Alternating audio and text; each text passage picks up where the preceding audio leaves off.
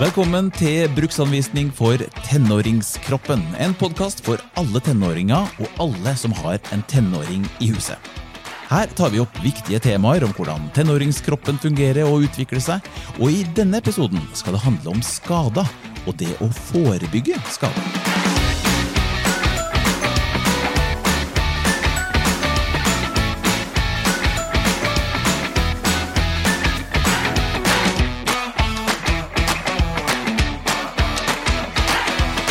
Mitt navn er Ole André Sivertsen. Og før jeg hører hva episodens ekspert har å si om dagens tema, så har jeg samla en gjeng ungdommer for å høre hva de tenker om tematikken. Jeg har hatt hamstringstrekk. Hvor lenge var du ute? Da var jeg ute i tre måneder. Aldri vært sånn ordentlig skada. Mer sånn småskader, liksom. Ja. Sånn Jeg har brukket tå en gang, for eksempel. Ja, ja, det er jo skade. Ja. På, eh, jeg brakk den på en eh, cup fordi jeg spilte fotball i sokkelesten. på vei til trening, da, så er det grus ute. Så klarer jeg å skli, skli på grusen. Men jeg faller ikke, men jeg får sånn en liksom, nerveklem eller noe sånt i ryggen. Og så bare fortsetter jeg å trene, og jeg har vondt liksom, og bare tar meg en Ibux før trening, og sånt da, så blir det bare verre og verre. Til slutt så blir det liksom vondt å gå og sånt, men jeg var liksom aldri ute for det. Jeg bare fortsatte å trene, fikk vondt, stoppa, dro på neste trening eller spilte en kamp og sånt da. Men til slutt så måtte jeg jo til kiropraktor og til lege og sånt da, for det ble så vondt. Jeg vrikka ankelen eh, ganske hardt en fotballkamp. Og da var jeg ute i sånn én til to måneder. Fordi jeg begynte jo selvfølgelig å spille fotball rett etter jeg hadde kasta bort krykkene. Og da ble det bare verre og måtte ta en større pause. Det var eh, mye gåing og prøve å holde den i bevegelse, holde den varm, uten å pushe den for hardt til at den blir skalla igjen. Og så var det jo å gjøre noen øvelser som skulle hjelpe, da. Ja, dette var Mikkel, Henrik, Jenny og Nora som senere kommer med noen konkrete spørsmål til dagens ekspert, som er Kristine Holm Moseid. Velkommen til deg. Tusen takk, Ole. Du er forsker ved Senter for idrettsskadeforskning på Norges idrettshøgskole. og I denne anledningen er du også representant for det som heter skadefri.no. Kan ikke du først fortelle hva skadefri er for noe? Det kan jeg gjerne gjøre. vet du. du det Skadefri er rett og slett en gratis app, en nettside, og eh, så er vi et skadefri team. Og det vi driver med, det er rett og slett forskning. Eh, fordi at vi forsøker å spre eh, budskapet om hva som kan være god skadeforebyggende og sykdomsforebyggende tiltak i idrett. Og så vet vi også at god skadeforebyggende trening det er også rett og slett prestasjonsfremmende trening. Ja. For du blir, du blir jo tross alt bedre av å ikke være skada. Ja, det er det du gjør. Du blir bedre fordi at da kan du drive med treningen din. Og i tillegg så handler skadeforebyggende trening egentlig om å gjøre det som eh, du trenger for å bli god i idrett. Ja. Eh, Så veldig mange av de øvelsene som ligger inne på skadefri.no, både i app og nettside, det er øvelser som eh, styrker de kroppsdelene som trenger å være sterke og stabile for å f.eks. bli god i fotball eller håndball. Eh, Så vi sier at eh, skadeforebyggende trening det er det samme som prestasjonsfremmende trening. Ja. Um, så bare si også, Poenget da, er jo at eh, det vi driver med, er å formidle det vi vet fra kunnskap fra forskning. Fordi det er ikke noe poeng at eh, forskerne vet om alt dette, hvis ikke sånn som Jenny og Mikkel og de vet om hva de skal gjøre på sin trening for å holde seg eh, sterke og utvikle seg bra i idretten sin. Ja. Så det er liksom for å, at de skal kunne trene så, mul eh, så bra som mulig og ha det gøy og utvikle seg og bli så gode som mulig som de har forutsetninger for.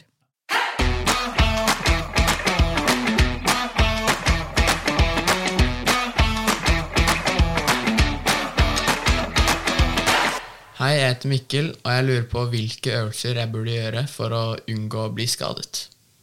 Og du spiller fotball? Jeg spiller fotball. Ja, først og fremst. Ja, fotball er jo ganske mye skader i. Ja, det er en god del skader i fotball. Og så eh, tenker jeg, liksom, vi først si da, det å unngå å bli skadet, det er smart. For vi vet at det er mye lettere å forebygge skader enn å reparere skader. Ja. Eh, har du først fått en skade, så er det liksom øket risiko for å bli skada på nytt. Så det er det første liksom, tenker jeg, god motivasjon for å, å tenke seg litt om. da. Både for eh, spillere og for trenere. Når vi tenker eh, skadeforebyggende eller prestasjonsfremmende trening, så er det lurt å tenke hva eh, hva skal jeg gjøre på økta mi i dag, ja. hvis man er trener eller spiller. da, Og så eh, forberede kroppen på det. Det er det som er eh, skadeforebyggende trening, eh, egentlig. Men jeg har jo vært Så- fotballspiller selv og tenkte jo det var liksom den kjedelige delen av treninga. Ja.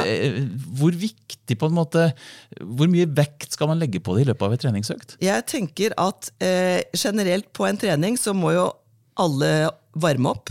Så legg det inn i oppvarmingen. Eh, og hva trenger du i oppvarmingen? Jo, igjen, du trenger å forberede kroppen på det du skal gjøre. Så i en oppvarming, i fotball f.eks., så er, kan du legge inn hopp, landinger, vendinger, og gjerne med ball, og enkle løp. Eh, og lande på ett og to bein og sånn. Så ha fokus på eh, koordinasjon, balanse, teknikk i starten av økta, økta som en del av oppvarmingen. Ja. Eh, og så eh, vet vi at det er også lurt å gjøre en del styrkeøvelser i forhold til å skulle bli en god fotballspiller, da, sånn som eh, Mikkel eh, spør om. De kan du f.eks. legge inn på slutten av økta. Vi vet at eh, det er masse ulike oppvarmingsprogram som forskning har vist at faktisk kan redusere skaderisiko med mellom 30 og 50% Det gjelder både håndball og fotball og veldig mange andre idretter. Eh, Og de programmene de har, er laget enten som oppvarmingsprogram, så du kan legge det i begynnelsen av økta. Så gjør dette med hopp og landinger og, og koordinasjonsbevegelser og sånn tidlig i økta. Og så kan du gjøre styrkeøvelser i slutten av økta. For eksempel så har du en øvelse som heter Nordic hamstring, som handler om å styrke baksiden av låret. Veldig tung øvelse, så mange eh, eksempel fotballspillere eller sprintere syns det er tøft å gjøre den som en del av oppvarming. kan være smart å legge den på slutten av en økt. Ja.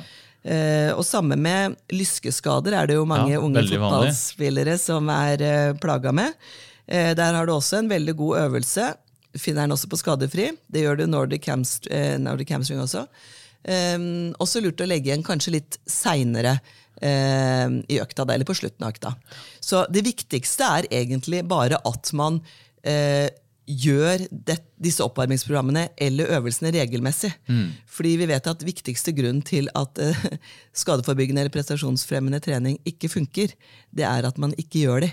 Og det er nok som du sier at mange tenker at eh, det er litt kjedelig, men hvis man legger lager det mest mulig idrettsspesifikt, da. Ja, ja. For det er jo lett å tenke at man bare skal gjøre litt, sånn, litt daff jogging for å bli litt gjennomvarm, og så kan man sette i gang og spille. Ja, men det er ikke sant, det, er, det skal gjøres som en del av økta og ha litt mål og mening med det man gjør. På samme måte som man håper jo at hele treningen skal, Der skal du jo trene på spesielle ting. ikke Ja, sant? ja.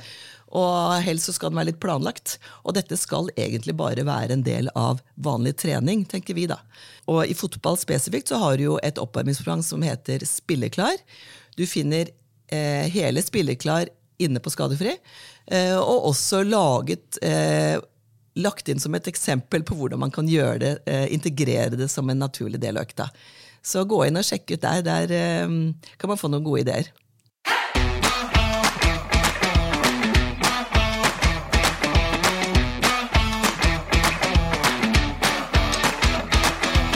Det er jo ikke til å komme unna at eh, av og til så blir det jo skader.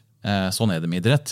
Eh, akutt behandling, altså det du gjør med en gang, eh, hva er det man eh, skal gjøre? Skal man bare Det er vel viktig å slutte å trene? Ja, det vil jeg si, Ole. Det er, det er viktig at man slutter akkurat når man har skada seg. Idrettsskader der deler vi jo inn i akutte skader og belastningsskader. og Hvis vi nå snakker om eh, akutte skader først, da, så er en akuttskade gjerne en hendelse, sånn som en av ungdommene snakket om her. Han slo borti tåa si, eller det var noen som hadde tråkka over. Det er typisk Ja, ja. akutte skader. da.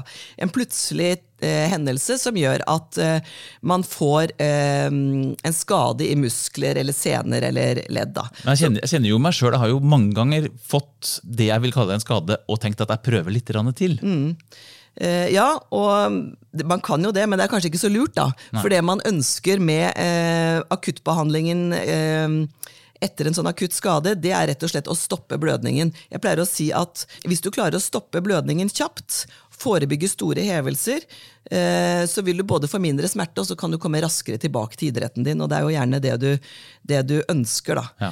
Eh, I tillegg så er det lurt da etter den akutte skadebehandlingen å legge inn en liten sånn opptreningsfase, som noen av ungdommene som vi hørte helt til å begynne med snakket om også, som også vil bidra til at man kommer raskere tilbake til idretten.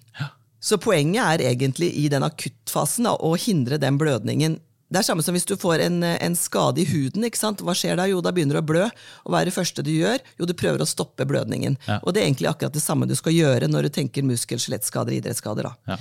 Så i akuttskadebehandlingen så har vi noe som heter PRICE. Og PRICE det er en sånn forkortelse Ja. med forskjellige bokstaver. Og det står for P står for protection, som handler om å beskytte det, den kroppsdelen som er skada. Ikke sant? Ikke fortsette å løpe og herje Nei. for å blø mer eller skade seg mer. Ja. Og så har du price, så har du rest, eller hvile. da. Ja. Eh, og det handler da om å ikke belaste det området unødvendig med en gang. Men etter den akutte fasen Mm. så skal man begynne å gjenoppta lett aktivitet. Okay. Så du skal ikke hvile deg liksom i mange uker heller. Det er Nei, også viktig nei. å si. Ja. Så med først hvile helt akutt er det hvile. Så er det is, eh, som man legger på skadestedet. Eh, Det, det er bra som smertelindring, men det har ikke egentlig noen behandlende effekt utover det.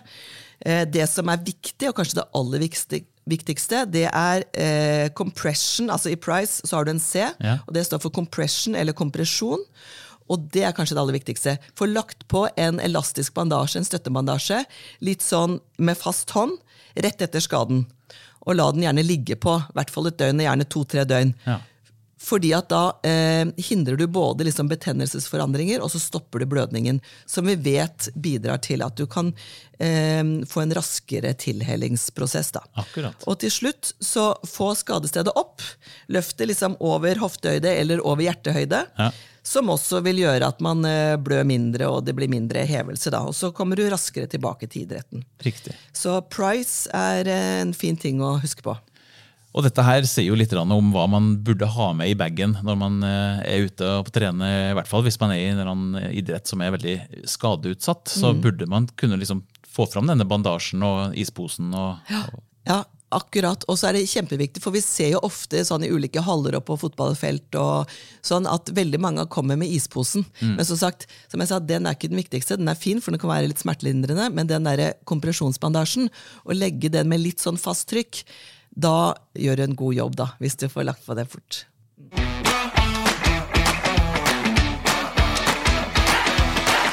Hei, Kristine. Jeg heter Nora, og jeg lurer på Når man har fått en strekk Man skal ikke tøye den strekken, da? Man skal vel bare jogge og varme opp ordentlig og ha varme i muskelen? ja, Nora er litt usikker, hører jeg, og det er det veldig mange som er. Eh, hva vil du svare, Nora? Du, jeg vil svare at hun, har jo så, hun sier det så strålende selv. Man skal ikke tøye da, og det skal man jo ikke. Helt enig med Nora. Ja. Man skal ikke tøye, og bevegelsen skal være det man gjør, skal være innenfor smertegrensa. Ja. Det er sånn generelle prinsipper, da. Men igjen, da, så vil jeg si, altså hvis man har fått en strekk, det er jo en akutt skade. En akutt muskelskade ofte, da, eller det kan være i sener og sånn også. Og da blør det. Og poe- poeng det er det vi snakket om i sted, price. ikke sant? Beskytt skadestedet, hvile, legg på litt is og kompresjon, og få det opp. Ja. Price, det er Ja. det første. Ja. Og så, eh, når det er gått liksom litt tid, da, eh, så må man tenke gradvis opptrening.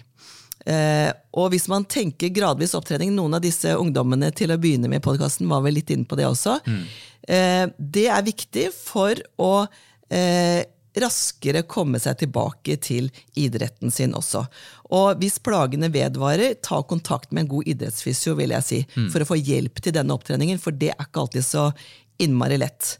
Um, Men hvis vi snakker om en sånn ganske enkel strekk da, som ikke er kjempealvorlig, Mm. eh, eh, hvor lang tid mener du at det skal, skal du ha før du går tilbake til trening? Altså Det kommer helt an på Ja. hvor mye det er. Eh, men har du en strekk, så er det så klart en, det er en skade typisk i muskelfibre. da. Ja. Og de trenger jo litt tid for å få reparert seg. For liksom, eh, jeg pleier å gi det bildet med en hudskade. da. Ikke sant? Det tar jo si det tar alt fra en uke til seks uker, da, avhengig av hvor det er og hva det er. og Det kan jo ta lengre tid også, det har jo noen av ungdommene også erfart. Ja. Men å liksom ikke bare fortsette å ignorere det, og i hvert fall ikke gjøre Nå husker jeg ikke hvem av, hvem av de vi snakket med, til- de snakket med til å begynne med, som snakket om at de tok en Ibux og fortsatte. Ja. Det er veldig dumt. Ja. Fordi den smerten man kjenner, det er jo kroppens signal egentlig til at hei, nå burde du kanskje liksom justere litt og ta det litt med ro. Mm. Og hvis man bare demper den, eh, så får jo kroppen i hvert fall ikke tid til å reparere seg sjæl. Men det å, å trappe gradvis opp og, og komme i gang med å, å mm, liksom få kontakt med muskelfiberen igjen, det er en viktig del av den tidlige behandlingen. Også når du har liksom gjennomført Price, eh, så har vi et annet begrep som også som heter police. Og da er det to bokstaver inne der som er O og L, og det står for optimal loading. Og det handler bare om å belaste passe mye. Ja. Passe fort. Ja.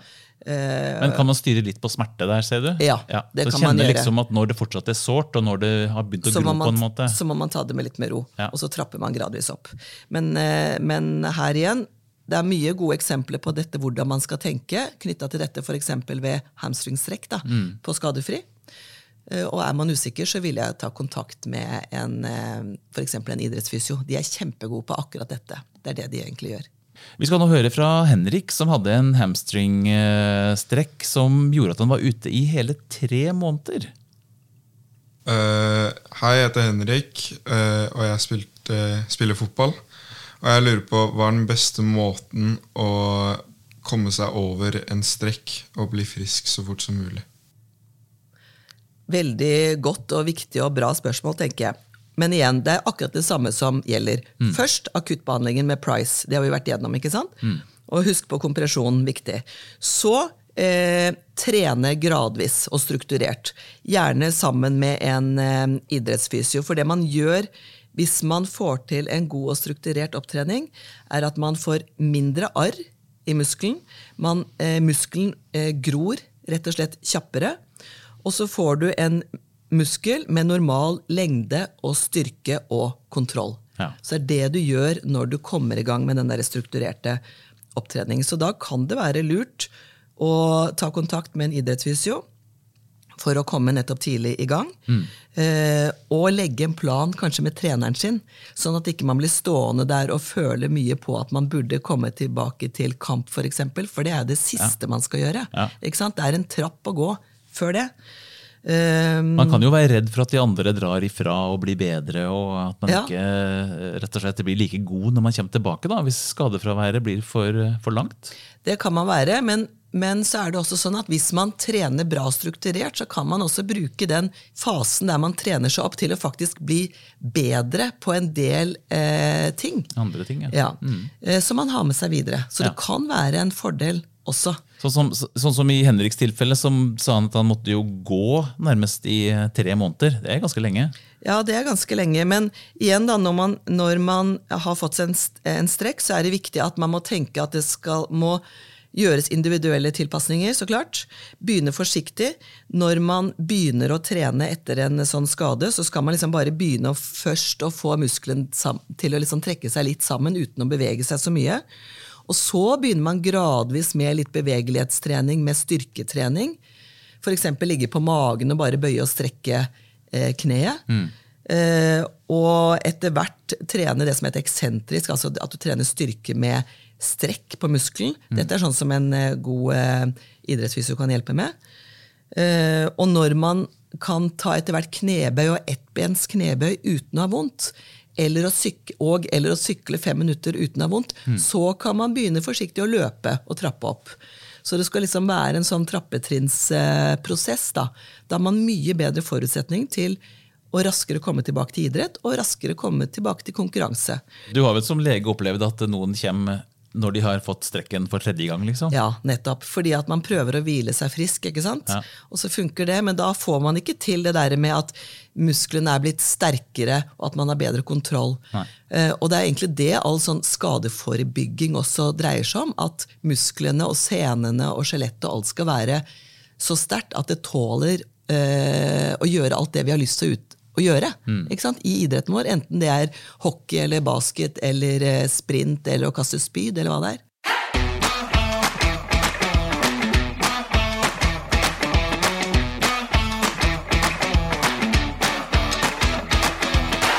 En kompis av sønnen min har hatt et eh, gjentagende belastningsbrudd i ryggen. Hva er egentlig et eh, belastningsbrudd? Et belastningsbrudd det er en, en type belastningsskade. Og belastningsskader det er skader som oppstår eh, gradvis som følge av overbelastning over tid. Altså at man har gjentatt litt ensidig belastning, kanskje, som er høyere enn det kroppen din tåler. Eh, så disse skadene de skyldes ofte at man gjør for mye, for fort, for ofte, litt for lenge, Ja. med litt for lite hvile. Og så ser vi at en del belastningsskader, og kanskje dette med tretthetsbrudd for eksempel, ja. som er liksom grader som utvikler seg, um, typisk kan komme da når man vokser mye og fort. Så er det også sånn at um, akutte skader så er vi jo veldig på at vi liksom må behandle det og komme i gang.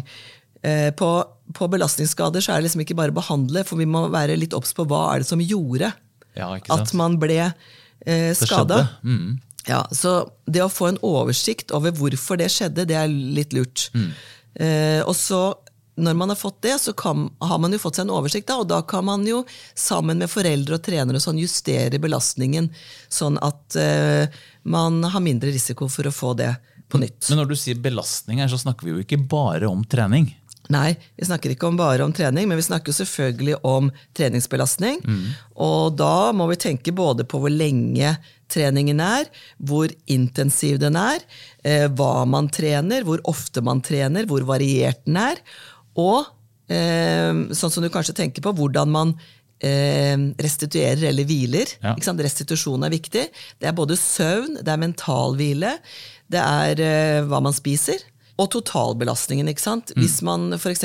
har lang vei til trening eller til skole, eller har mye å gjøre på skole, eller det er mye krangling i vennegjengen, kanskje man har krangla med kjæresten eller med foreldrene, alle de tingene, de vet vi at påvirker liksom hele kroppen og kan gjøre en mer utsatt for å bli eh, skade. Og så er det så klart dette med at når man vokser mye, så er man i en veldig sårbar periode.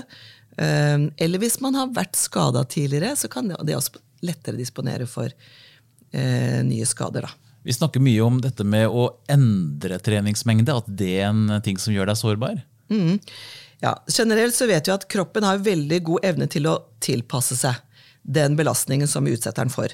Men som jeg sa i sted, altså nøkkelen er at økningen og belastningen den må skje gradvis. Ja. Fordi blir det store svingninger, enten det er trening eller kamp eller konkurransebelastning, så er det mye lettere å bli eh, skada. Så det å eh, kunne styre belastningen, det er en eh, kjempeviktig del eh, og hjelp for å kunne redusere eh, skaderisiko. Og det gjelder egentlig på tvers av alle idretter. Så det gjelder jo både at du for eksempel har vært ute med skade og kommer tilbake igjen, men det kan også gjelde en sommerferie eller eh, altså, bare et eh, avbrudd i treninga di. Ja, absolutt. Det gjelder eh, f.eks. etter ferie, eller at du har vært eh, utenfor sesong og går inn i sesong, selv om du kan ha trent mye utenfor sesong, men kanskje du har trent, helt annerledes. Eh, og typisk også i sesongoppkjøring, ikke sant? hvor det plutselig er mye mer kamper enn man er vant til, mye mer cuper enn man er vant til. Ja. Eller hvis man går fra sesong og ut av eh, å begynne med noe annet, f.eks. de som går på ski. Går fra vanlig å gå på ski på snø til å pigge Ja. eh, på rulleski. Ja. Eh, så er det en annen type belastning, og da vet man at man også er sårbar for det. Så da må man også tenke at man må eh, trappe opp gradvis. da. Det er liksom de generelle treningsprinsippene som gjelder. Ikke for mye, ikke for fort, ikke for store svingninger. Og så pleier jeg å si ta trappen. Ja. Det er ikke noe heis. Hvis du prøver å ta heisen, så raser du ned i bunnen av trappen igjen. Ja. Så, så liksom gå ett tri trinn av gangen.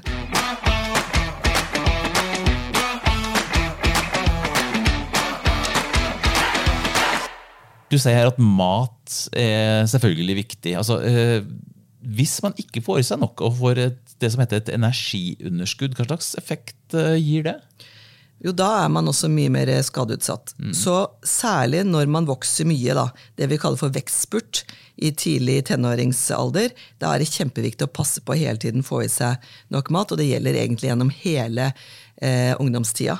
Fordi eh, den fasen som ungdommene vokser raskest, da, den varer ca. to år. Hos jenter så begynner det i 11-årsalder, hos gutta i 13-årsalder. Pluss-minus, da. Og da vokser særlig skjelettet kjempemye. Det er det som begynner å vokse. Så tips når skoene dine begynner å liksom øke veldig i størrelse, plutselig har du 41 og 42 i sko, da må du være litt sånn nøye på hvor mye og hvordan man trener da. Ja. Og da vet vi også at prestasjonene faller fordi kart og terreng i forhold til hva du hvor du har erfaring med tidligere at armer og bein er, det stemmer ikke lenger. Så det er de fleste litt mer klumsete. Det er da du begynner å velte glass på Ja, middagsbordet. ikke sant? Og Ja. da snubler du ofte når du skal løpe og sånn. Det er helt naturlig og helt vanlig, og sånn skal det være. Um, og så vet vi også i denne eh, perioden så er skjelettet litt mer utsatt for å bli skada og brekke, fordi at det øker i lengden før det øker i bredden. Eh, den der beinfabrikken i skjelettet den klarer ikke å henge helt med, rett og slett, så man blir forbigående litt mer sånn beinskjør. Ja. Eh, og så er det der hvor skjelettet vokser, altså vekstsonene i skjelettet, de er eh, veldig skadeutsatt, for de består ikke av bein, men av brusk. Ja. Så litt obs til det vi snakket om tidligere i forhold til um, skader i fotball, lyskeskader og sånn. Hvis man gjør alle de øvelsene man skal, og det tar tid, og man liksom ikke blir bra, da kan man av og til ha liksom skader i disse um, vekstsonene. Ja. Så det er viktig å ha litt i bakhodet også. Det er ikke, hvis du liksom ikke kommer i mål med å gjøre øvelsene, og du syns at det bare fortsetter å gjøre vondt, så kan det være noen av disse vekstsonene som ø, er litt stressa. Ja. Så det er viktig å huske på det også. Så husk på å spise eh, nok bra mat, masse mat med kalk og D-vitamin. Det er lurt. Drikk melk, skulle jeg til å si. Ja. Dette temaet med skader det er jo, det er jo litt kjedelig å, å, å snakke om, men det er jo virkeligheten. da. Eh, Det skjer jo, og vi må bare ta hensyn til det. Ja, og så er det jo sånn at hvis man driver med idrett, så vil jo veldig mange oppleve å bli skadet eh, nå eller da. Ja. Og mye kan man ikke forebygge, men det er altså veldig mye eh, man kan gjøre selv også. Eh, jeg pleier å si at eksempel hvis du skal kjøre alpint da, og kjøre ned en alpinpakke, du må jo ikke ta på deg en hjelm, men det er veldig lurt. Fordi at eh, hvis du tryner, så er du veldig mye mer beskytta, og sånn er det også med en del av den treningen. Eh, Du er mye mer beskytta med å gjøre den treningen. Eh, Og det er så enkelt å få til hvis du legger det inn i oppvarmingen, Ja. eller hvis du gjør noen av de enkle øvelsene som du finner på, på Skadefri. Og det må jo nesten være oppfordringen, da, at eh, man tar en tur inn på skadefri.no og ser alt som står der. For der er det, det er mange forskjellige skader, både hvordan man skal forebygge og få slike skader, og ikke minst eh, hva man skal gjøre hvis man først har fått de. Ja, det vil jeg oppfordre alle til å gjøre som ikke har gjort det. Last ned appen vår, den er gratis. Mm. Den kan man bruke. Og så gå gjerne inn på nettsiden. På, app og nettside så står det veldig mye det samme, men på eh, nettsiden så står det enda mye mer ting om hva man kan gjøre både for å holde seg skadefri, og om vanlige skader, og hva man skal gjøre da. Vi har eh, massevis av gode og prestasjonsfremmende øvelser som man kan søke opp, enten via idrett, det er 57 ulike idretter som ligger der inne, eller via kroppsdel, det er 11 forskjellige kroppsdeler som ligger der inne. Ehm, og så viser man da der øvelser i tre ulike nivå, med kort infotekst om hvordan det skal gjøres, og anbefalte repetisjoner og sett osv. Og, så og man uh, kan også lage egne øvelsesprogram og dele med kompiser. Eller uh, hvis du er en trener, så kan du dele det med um, ungdommene dine. Um, og så vil jeg også oppfordre til en annen ting. I Skadefritime så har vi utdanna en drøss med kjempedyktige idrettsfysioer over hele landet, som eh, kjører eh, såkalte klubbkvelder i klubber og idrettslag over hele landet. eh, Etter en mal som vi har laget med både teori og praksis om hvordan lett og enkelt drive med skadeforebyggende trening som en del av vanlig trening. Prestasjonsfremmende trening. Det høres ut som det er mye å ta tak i her, både for eh, de som er idrettsledere, og ikke minst alle de som driver med idrett. Kristine, tusen takk for at du eh, var med her og fortalte om kunsten å være eller bli skadefri. Du som hører på, skal altså da absolutt ta en tur inn på skadefri.no. Tusen takk også til Nora, Jenny, Mikkel og Henrik som var med i Tenåringspanelet. Jeg heter Ole André Sivertsen og har skrevet boka 'Bruksanvisning for tenåringskroppen', hvor du finner mer om dette temaet og annen nyttig info om hvordan trening, mat og søvn påvirker kroppen din. Både bokprosjektet og denne podkasten er laga av Filiokus Media i samarbeid med Sunn idrett i Norges idrettsforbund. Takk for denne gang, og på gjenhør.